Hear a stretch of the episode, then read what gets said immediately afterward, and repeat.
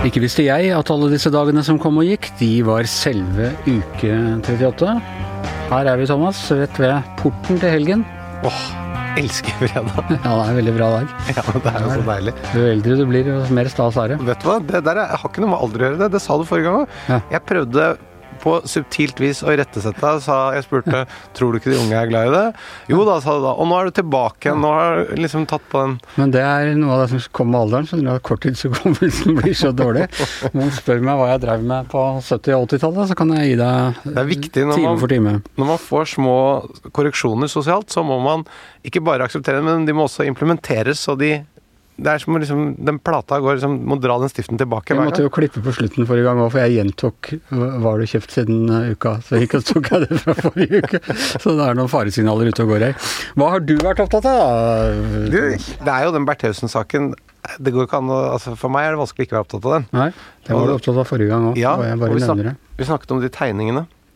Jeg bare tenkte på det også, at jeg, som, som jeg sa sist, de spriker veldig, så det er vanskelig å få. Jeg, jeg skjønner at det er en veldig tynn person øh, vi har med å gjøre. Det er, veldig, det, det er gjennomgangstema. Men en ting som slo meg Hvis du står tiltalt i retten, jeg vil anbefale å la seg avfotografere.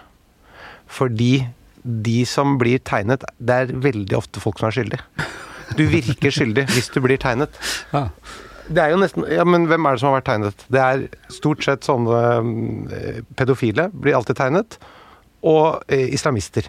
Altså alle som er i en stor rettssak som vi dekker, blir stort sett eh, tegnet fordi de færreste blir Det er sjelden man fotograferer tiltalte i en straffesak. Det er veldig ofte at de er skyldige. Nå kommer jeg ikke på det sånn i farten, men jeg er helt sikker på at jeg, jeg har laget egen bok om rettstegninger en gang. Jeg skal klare å finne noen uskyldige som også er tegnet. Som også er tegnet, ja. Ja, frikjente mennesker. Ja, men mitt inntrykk er i hvert fall at uh, du har noe å skjule, og da blir du tegnet.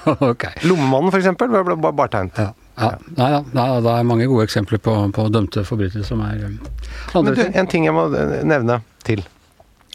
Altså, har du sett på han Warholm på NRK? Uh, nei, han er eh, frihets, friidrettsutøveren. Ja. Ja. Han var jo hos kongen. Vet du hva han hadde på seg? Uh, blazer. Han hadde blazer, det er helt riktig. Men hva hadde han til blazeren? Han hadde shorts. Oi sann, jeg ser du har med bildet her. Han kom til kongen i shorts Ja, på Ja. Slottet. på Slottet. Ja. Da tenker jeg, da er det greit med min shorts også. Da, da mener du at du har et shortsbesøk på statsministerens kontor til gode, liksom? det, det er helt riktig. Det verste med dette, når du viser meg det bildet, det er at jeg mener jeg var 16 år i 77, jeg var opptatt av punk og anarki og alle sånne ting. Og nå nærmer meg 60, nå kommer jeg inn på alderen min igjen. Men da kjenner jeg at jeg blir litt indignert over at denne fyren stiller på Slottet i shorts. Ja, men det, det er greit. Det må gjerne du bli. kongen tok det med godt humør. Ja ja, kongen han er eh, larger than life, men Jo, er men er det greit for kongen, Anders, så bør det vel kanskje være greit for deg òg. Ja, jo, ja, jo, ja. Jeg skal ikke, skal ikke være den som bestemmer, men eh, jeg vil si at det er, en annen, det er andre regler i denne podkasten enn det da åpenbart gjelder på protokoll på, Det- på Slottet. Dette er en styrke ved vårt samfunn, Anders, at du kan komme i shorts til kongen. Ok, ok. Vi sier det sånn. Vi skal uh, introdusere ukas gjest. Uh, Kristin Clemet, Kristin Clemet. det gleder jeg meg til. Ja.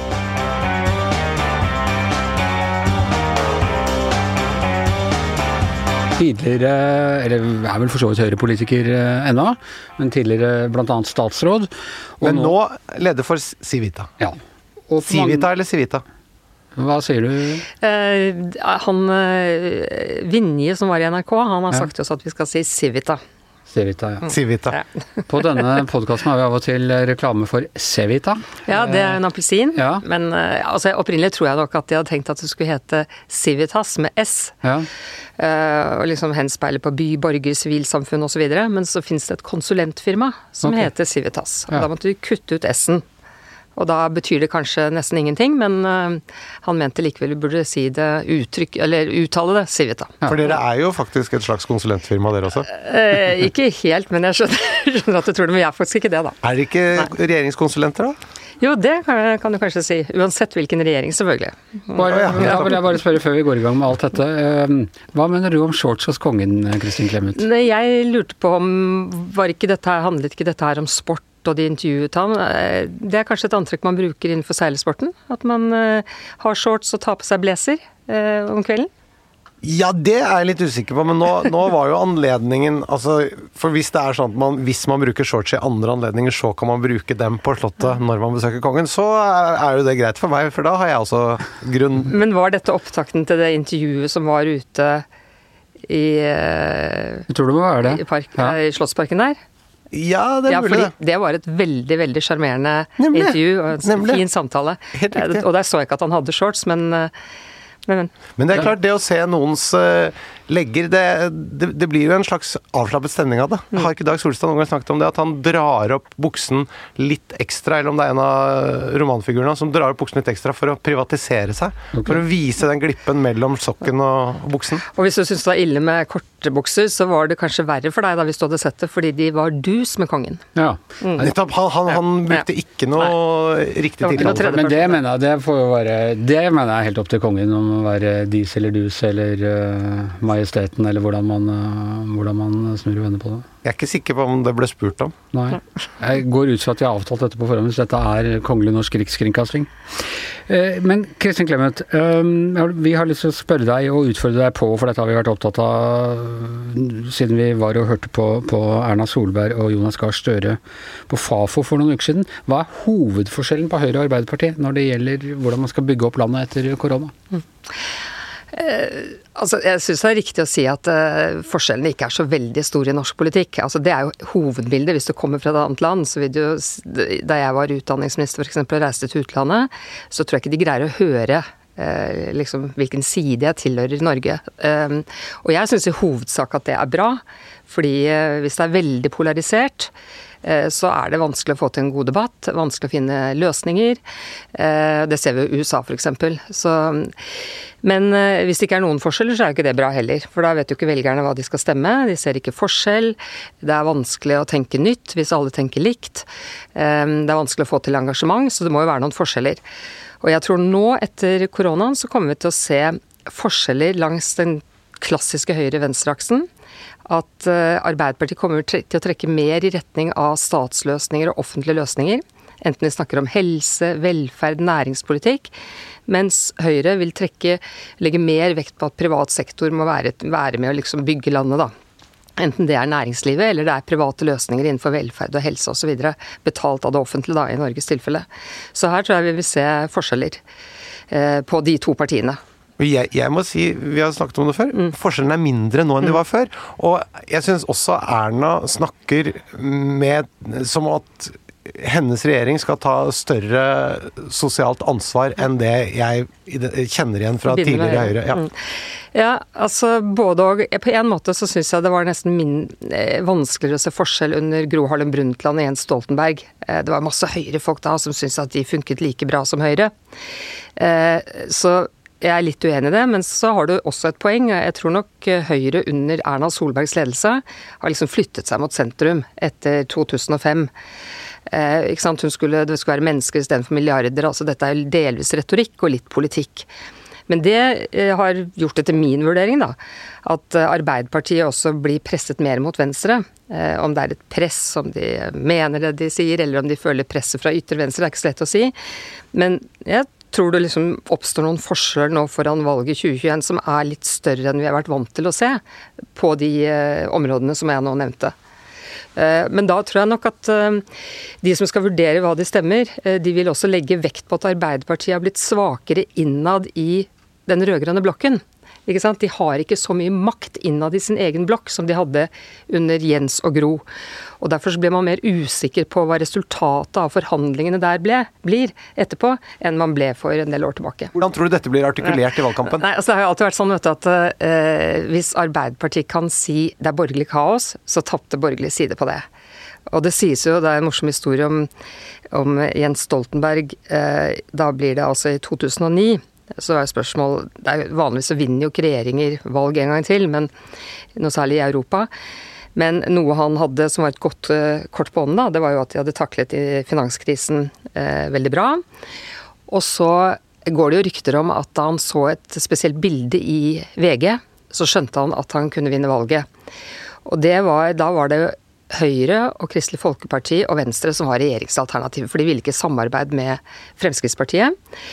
Og så hadde VG fått, skulle ta bilde av eh, liksom regjeringsalternativet, som var Dagfinn Høybråten da, og Lars Bonheim og Erna Solberg. Og en så lenge siden. ja, og en eller annen grunn så skulle Erna stå oppå et bord. Det så litt sånn. Og idet det bildet skal tas, så kommer Carl I. Hagen forbi. Og da blir bildet tatt med han. Og så sier Carl I. Hagen er det den nye regjeringen som står her? Skal jeg legge meg ned som en skjødehund, jeg da, sier han. Og da illustrerte han liksom borgerlig kaos og manglende vilje til samarbeid på borgerlig side. Og da forteller historien da at da skjønte Jens Stoltenberg ok, vi kan vinne valget. Når det er kaos på den andre siden, så har vi et sterkt kort på vår side. Men det som skjer nå, det er jo at det er ganske mye kaos på den andre siden også. Så det kortet er liksom ikke like lett å bruke, og nå er det kanskje verre for den rød-grønne siden, fordi de er flere partier. De står kanskje antagelig enda lenger fra hverandre.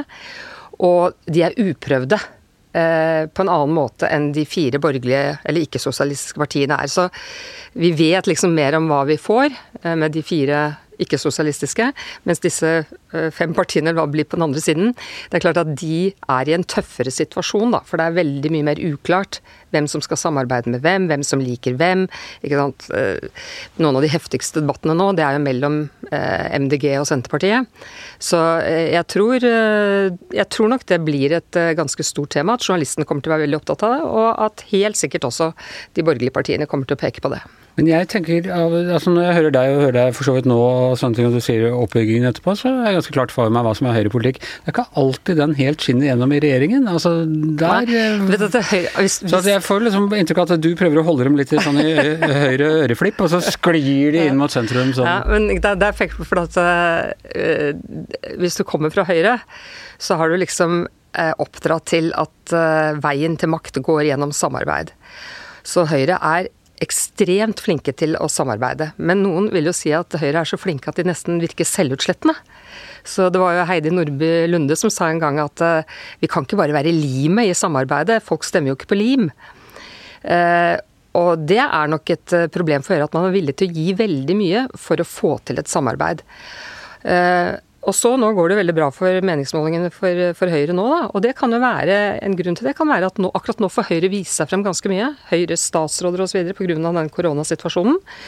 Fordi eh, det ofte kan være sånn da at Høyre ikke får vise seg frem selv så mye, fordi man er så opptatt av å legge til rette for samarbeidet for de andre.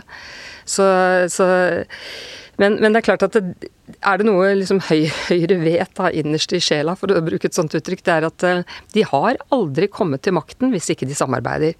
Hvis vi går tilbake da vi ble født og var barn, så kom jo Arbeiderpartiet til makten uten å samarbeide. Jo, de har jo nettopp begynt å erfare hvordan det er å skulle samarbeide med andre for å få makt. Så Høyre er veldig veldig godt trent til det, men kanskje så godt trent at det av og til føles selvutslettende. Da. Og da at du ikke ser Høyre så tydelig. Det er jo litt uavklart på høyresiden også. Fremskrittspartiet er jo ikke med i regjeringen. Og hvis man da velger Fremskrittspartiet og lar de to andre gå, man er jo helt avhengig av dem. Mm. Ja, nettopp. Altså, det er jo hele poenget her. Altså, for det første tror jeg jeg har litt liten tro på en ny firepartiregjering, for å si det sånn, etter 2021. Eh, men det er egentlig ikke så viktig om det er ett eller to eller tre eller fire eller fem partier som går inn i regjering. Spørsmålet er kan de samarbeide? Og det som man er nødt til å ha en erkjennelse av da, for at det skal funke, det er at de er avhengig av hverandres stemmer. Og sånn sett kan man jo forstå da Carl I. Hagen begynte å bli litt forbanna ut på 2000-tallet og sa det at nei, vi støtter ingen hvis ikke vi får være med, vi også. Liksom. Fordi det er klart, det må jo være litt irriterende at noen regner med stemmene dine hele tiden, men de vil ikke samarbeide med deg. Så jeg tror den grunnleggende erkjennelsen som må til, at partiene, de partiene som føler at de tilhører en slags blokk, eller hva man vil, det kan jo variere også, hvem som er med i hvilken blokk, men de må erkjenne at vi trenger stemmene til hverandre. Og du kan ikke regne med å få Venstre stemmer eller Høyre stemmer eller Fremskrittspartiets stemmer uten at du gir noe. Men det behøver ikke å gis innad i en regjering. Det kan gis ved at man samarbeider på andre måter også. Men det refrenget der om at man ikke er, støtter en regjering som man ikke er selv en del av, som Carl I. Hagen startet da, det har jo Fremskrittspartiet fortsatt, fortsatt å synge. Samtidig som at de vel nå samarbeidet er annerledes nå. Ja, og nå, og, nå, og nå, kommer de til å vise seg frem som tøffere og tydeligere osv. Det må de jo gjøre når de er liksom utenfor. Og, og, de kommer til å synge det refrenget igjen. Men til syvende og sist, når man kommer på den andre siden av 2021, så må de jo bestemme seg skal det være Erna eller Jonas. Og eh, nå vet jeg ikke hvor mye makt Sylvi Listhaug har i det partiet PT, men alle husker jo hennes avskjedstale. Og det var jo ikke akkurat noe sånn invitasjon til å sette inn Jonas Gahr Støre som statsminister. Så til syvende og sist så må de velge. Og det, det der med å Jeg syns at det der å erkjenne at alle At man er avhengig av hverandres stemmer, og at det koster noe. Eh, men se på Danmark, som jeg følger ganske tett, så, så, så, ble det så fragmentert. Altså det ble så mange partier å ta hensyn til at eh, det danske sosialdemokratiet sa vi går til valg på å regjere alene. Og så har vi støtte derfra og herfra. Og jeg vil ikke utelukke at vi kan komme i en sånn situasjon i Norge også, hvis det blir for vanskelig. Så må man heller, de største partiene, da, gå til valg på at de også kan regjere alene. Men, men, alle må til slutt velge, da, på en eller annen måte. Og du kan også selvfølgelig sånn støtte fra sak til sak og sånn. Jeg har jo vært i en sånn regjering selv, hvor Men til syvende og sist så var en del av det parlamentariske grunnlaget var jo til syvende og sist også Fremskrittspartiet. Men eh, du har jo fått en del av æren for at disse partiene begynte å snakke sammen eh, og starte et slags klima for å, for å regjere. Hadde det gått an å lage en ny konstellasjon? Kunne du begynt å invitere Siv og Erna og Slagsvold Vedum f.eks. til å jeg må reservere meg litt mot den beskrivelsen. Altså, Civita har vært viktig for noe. Det, det, det tror jeg kan si. For at vi var eh, Etter 2005 var eh, stemningen på borgerlig side var utrolig sur så var vi i mange år den eneste legitime arenaen å være på hvor man kunne møtes uten at det vakte noe stor oppsikt eller, eller sånn. Men det er klart at det er veldig mye arbeid som har skjedd andre steder enn, i, eh, enn hos oss. Eh, altså vi lever jo uh, uavhengig av det. Vi gjør ikke så veldig mye for bestemte partier, men f.eks. de fire borgerlige ungdomspartiene, da. Uh, de møtes hos oss faktisk i dag. Og der er det ikke sånn at FPU slutter å komme eh, fordi Fremskrittspartiet har gått ut av regjering. De føler seg som en gjeng som samarbeider. Og det er klart at i en gitt fremtid kan det omfatte andre partier også. Det er jo ikke bombesikkert for all fremtid at MDG er på venstresiden, eller at Senterpartiet er på venstresiden. Senterpartiet har jo vært på borgerlig side. Jeg vil si særlig Senterpartiet. Ja, ja. Så så det er, det er, ikke skrevet i liksom, hva heter det, stein eller stjernene. Altså det, er ikke, det, er ikke, opplagt at det kommer til å være sånn bestandig. Men frem til 2021 så blir det nok sånn som det er nå. Det er jeg helt sikker på. Og en god stund etter 2021 nå. Men du ser ikke bare, altså Hvis vi ser bort fra hvilke avtaler som eventuelt er inngått allerede, så, men ser du ikke muligheten for å trekke Senterpartiet mer inn mer, Så de er jo ja. mer konservative ja. enn en eh, Venstre og Kristelig Folkeparti? Det jeg tror kan skje, er at hvis de fire nåværende ikke-sosialistiske eller borgerlige partiene vinner, så kan det godt hende at Senterpartiet fristiller seg litt fra den andre siden og gjerne samarbeider med de da, hvis de kan få gjennom noe på den måten.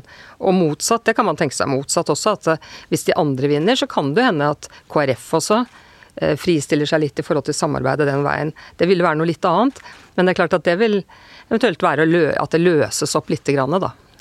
Mm. Men du, hvor tett kontakt har du med Erna?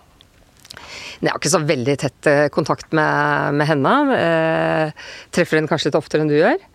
Eh, men jeg har mye tettere kontakt med medarbeidere av henne. Eh, det har jeg. Eh, jeg jeg kjenner jo veldig mange i politikken. Det gjelder ikke bare i Høyre. Så jeg har veldig tett kontakt med mange som er i politikken, enten de er valgt eller de er ansatt eller utpekt, avhengig av hvor de sitter. Mm. Dere må ha kjent hverandre lenge, dere er jo omtrent samme generasjon i, Ja, vi kom inn på Stortinget samtidig, ja. men det var at jeg sluttet før henne, kan du si. Ja, ja Men på Unge Høyre på 70-tallet og sånt? Eh, ja. Mm, mm. Eh, står dere nært hverandre politisk innen Altså alle i Norge står hverandre nært osv., men eh, Ja, altså jeg tror ikke Altså det vi har, det er noen uh, jeg vet, jeg, det er faktisk noen sånne fellestrekk ved oss, holdt jeg på å si, som har vært der fra langt tilbake. Altså, vi var f.eks. begge to ivrige forkjempere for å stemme for partnerskapsloven i sin tid. Vi har hatt noen felles standpunkt altså nå, nå, tar jeg frem sånne kontroversielle ja. saker mm. hvor man typisk er delt. Og vi har også mm, ment det samme i en del saker knyttet til sånn abort og bioteknologi. Um, for den gangen, da, Det var noe veldig rart med Høyre, syns jeg, den gangen vi holdt på med partnerskapsloven. For da var det jo eh, noen som var mot partnerskapsloven, men eh, sånn tut og kjør-holdning innenfor abort og bioteknologi, det fikk jeg liksom ikke helt til å rive Hva er sånn tut og eller, altså, kjør-holdning sånn- innen abort? Nei, nei, men altså hvor liksom eh, alt, alt nytt, da, som eh, Ja. Eh, Men der hadde vel Erna og jeg nesten litt sånn omvendt, eh, omvendt profil, da. Ja. Mm. Men du, spør et par eh, veldig politiske, mer rent politiske. Hva er Høyres plan for å redusere offentlige utgifter? Eh, Den, det, den planen Jo, altså for å være litt seriøs. For det første så er det jo parti De som har lekt, eh, lagt frem nå for, forslag til program, er jo mm, altså blitt kritisert for at det ikke står noe forslag der til hvordan de skal kutte offentlige utgifter. Men hvis vi stiller spørsmålet på en litt annen måte, da. Nemlig hvordan skal de redde velferdsstaten i fremtiden, ha råd til velferdsstaten i fremtiden? Og da er den løsningen som Høyre, og i og for seg og regjeringen, i og for seg store deler av Stortinget, håper på, det er punkt én at vi skal Flere skal jobbe mer. Og at vi skal bli mer produktive. Det er planen. Vi skal tjene mer. Det er det samme som folk som tar opp forbrukslån. Sånn at de også tenker ja. at eh, så, så vi, jeg jeg skal kommentere dette etterpå. Så vi som jobber, de håper at vi skal jobbe mer. De som ikke jobber, at de skal jobbe litt, osv. Og, så og at man skal eh, få opp arbeidsinnsatsen, og at vi skal jobbe smartere. Det er det de håper på. Så vil noen si at det er eh, å være litt blåøyd og tro at det holder. Og hvis ikke det holder, så må du kikke på andre typer av løsninger. Og, eh, og da kan det være at den offentlige utgiftsveksten må være svakere, eller at man må kutte, som du er inne på. Og, øh, og det kan være også andre mer egenandeler. Altså det er mer behovsprøving. altså Det er mange typer av løsninger her. Men norske politikere har til nå ikke beveget seg inn på det feltet som heter kutt. Um, I alle statsbudsjett så er det noen småkutt, men det er sånn, sant, det er litt ned og litt opp. Men det store bildet er at man bruker mer hvert eneste år. Hente penger under streken. Eh, ja, det, det prøvde de også, men det eh, ble stoppet da, på en måte. Men altså Sånn at eh, de er ikke kommet dit, men den, den dagen den kan komme brått og brutalt eh, om noen år. Eh, og det, vi har en morsom historie i Civita, for vi har en, en som jobber i Civita som også som er samfunnsøkonom. Han har også jobbet i Finansdepartementet, han er aktiv i Venstre. Eh, men han har skrevet et notat for et par-tre år siden om hvordan man kan kutte 50 milliarder av statsbudsjettet. Og det er et veldig seriøst notat, eh, så det er ikke sånn at det er bare å ta i landbruk og bistand, og så har det gjort, liksom. Det er et ordentlig seriøst notat, hvor han også har lagt vekt på at kuttene kan lede til økt arbeidstilbud, da. Og det notatet har jeg ikke sett egentlig noen skryte av, eller gjøre noe nummer av, men det er lastet ned nesten 10 000 ganger. Så noen Det en eh, gruppe og, som no, nei, men noen sitter og lurer på hva de skal gjøre den dagen de kanskje må gjøre Det er den dype staten som, eh, Ja. som planlegger. nei, men det er eh, Nei, så jeg, jeg vil si at regjering og storting har ikke helt kommet dit ennå at de har begynt å diskutere så dramatiske ting som kutt. Så de håper at dette skal løse seg på en annen måte. Hva med annet smertepunkt, innvandring? Der er det nå tatt til orde for at Høyre bør bli tøffere i klippet. Ja, der vil jeg si at der syns jeg det er en veldig konstruert debatt på en måte i Norge. For, at, eh, for det første, hvis man ser på hele innvandringsfeltet, så er det jo Senterpartiet og de rødeste partiene, eh, og kanskje litt Fremskrittspartiet, som er de strengeste. For de vil jo også på en måte skrote mye av arbeidsinnvandringen i EØS. Det er jo virkelig dramatisk. Men det glemmer man når man snakker om innvandringsdebatt. Men arbeidsinnvandring er en veldig sentral del av innvandringen også. Og når det gjelder da eh, resten, som er familie og utdanning og, og, og flyktninger, da, eh, så vil jeg si at eh, Norge fører en streng politikk som det stort sett er enighet om. Eh, Det vil jeg si er sannheten om Det det. var ikke noe skisma i Høyre her, egentlig? Altså, Heggelund kontra Røe Isaksen. Nei, det, det tror jeg ikke. Det tror jeg ikke. Jeg, mener at hele Norge har flyttet seg i streng retning, og flyttet seg, får vi si, i retning Fremskrittspartiet, eh, hvis vi skal være Og så kan man si det som man ser i mange land, de mest innvandringskritiske partiene, når de andre flytter seg, som har skjedd i hele Europa, er min, min vurdering, da. Så kanskje de mest innvandringskritiske partiene flytter seg enda lenger. Og i Danmark har man sett mye av det. Snålere og snålere forslag. Liksom til slutt skjønner du ikke hva du skal finne på. For eksempel. Ja, nei, det var, var det der smykk... Det var, nei, det er altså masse, masse rare forslag, altså. Det. Men er det, Men- er, er det reelle endringer, eller er det bare at man skrur til retorikken? Det er begge deler. Eh, det er begge deler. Men, eh, men også får du virkelig ille eh, eksempler. Vi snakker om Sian her, men i Danmark har man jo hatt dette partiet Stram kurs, som har jo samme, en del av de oppfatningene Sian har. Og hvor de liksom går ut i parodien. Jeg prøvde å finne igjen en utspørring av han Rasmus Paludan, som er lederen for Stram kurs. da. For det var en utspørring av han for, før siste valg. Og, liksom, og de ville jo kaste muslimer ut av landet og sånn. Og hvordan han skulle gjøre det, unnskyld at jeg ler, men han skulle liksom ta dem i fallskjerm ut av Danmark. Så, altså, ikke sant? Altså, det, det, det, det, blir så ytterliggående og så ekstremt at det til slutt blir latterlig. Eh, men der vil jeg si at, eh, og det skjer jo delvis i Norge også, at eh, Fremskrittspartiet har, har, har flyttet seg mer. men men kanskje ikke så mye som man har sett i enkelte andre land. Og nå står jo ikke innvandringssaken så veldig høyt på dagsordenen hos velgerne, så ja. Så, men jeg syns den debatten er, inneholder veldig mye sånn symbolpolitikk Eh, politikk og mye sånn, sterke følelser. Mye, ja, mye sånn symbolposisjonering da, fra partienes side, som egentlig dekker over veldig små uenigheter, etter min vurdering. Du, vi må snakke med deg om Trump også. Før Trump, vil du identifisert deg som republikaner eller demokrat? Nei, jeg, altså, jeg har jo alltid eh, støttet demokratene, men jeg vet ikke om det har noe, liksom, har noe, særlig verdi at jeg sitter i Norge og støtter demokratene. Mm. Eh, og, og, har jo etter å ha hørt på folk som Jan Arild Snoen og Eirik Løkke i Civita og Minerva og sånn, som forklarer litt om hvorfor de før Trump, da. Mm. Eh, så fått litt uh, mer respekt for det, men jeg har, jeg har ikke vært, uh, vært, der. Du vil leve av Obama enn McCain, f.eks.? Ja, selv om jeg har stor respekt for McCain. Det må jeg bare si. Men jeg, har, jeg tror til og med Dukakis var en så jeg mm. ja. Men, men altså, det, det, som er viktig med Du snakker om konservatisme, syns jeg er ganske viktig at Eh, nordiske konservatismen, kanskje også den europeiske, men særlig den nordiske, er en veldig sånn liberal form for konservatisme. Altså, jeg er liberal-konservativ, og det, jeg føler meg med årene at det med liberal betyr mer enn det gjorde før. Jeg følte, meg, følte at jeg var mer konservativ da jeg var yngre. Mm. Men det betyr jo at det liberale demokratiet står veldig sterkt i min politiske bevissthet. Og det gjør det åpenbart ikke hos Donald Trump. Eh, så han eh, er jo en parodi på en eh, konservativ. Han er polariserende, han er populistisk, han manipulerer med institusjonene, han lyver. Altså, det er ingenting ved han som jeg beundrer. Det må jeg bare si. Det er få klassiske konservative dyder. Samtidig har han et voldsomt grep på Og noe som jeg synes var litt sånn skremmende, men det vet jo du mer om, for du vet at du har lest den Bob Woodward-boken. Jeg kjøpte den forleden, men jeg ga den bort. Men når jeg hører de eh, snuttene av noen intervjuer med han, så høres han jo søren meg mer normal ut. Eh, man, det kommer litt an på hvilke snutter. Ja, okay. Så jeg bare liksom, Spiller han gal? Liksom, eller altså, gjør han seg enda verre?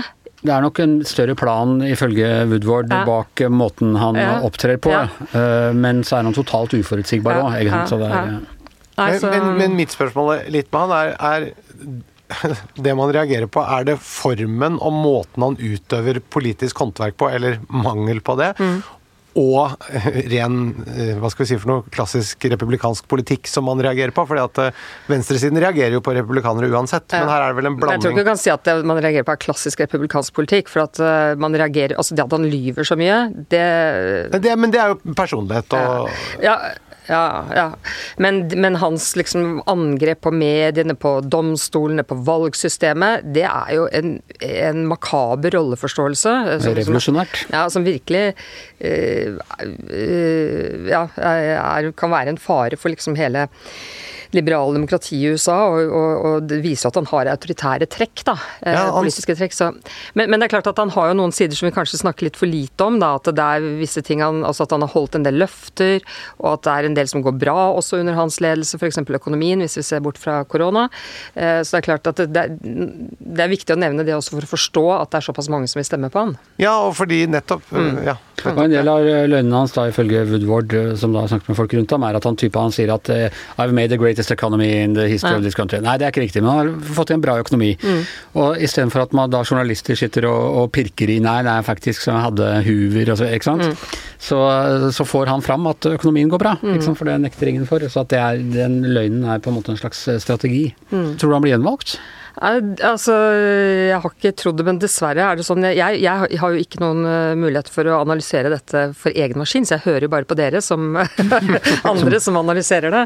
Og da blir jeg dessverre gradvis litt mer pessimistisk, for det virker som Eh, Men jeg tror det blir veldig avgjørende hva som skjer, hva som blir dagsorden nå de siste dagene. Altså Kommer det en ny sånn bok hver dag, så forstyrrer det i hvert fall dagsorden. Eh, eh, hvis han får sette dagsorden med det som har med økonomi og arbeid å gjøre, så tror jeg det er gunstig for han. Tror du Erna blir gjenvalgt om et år?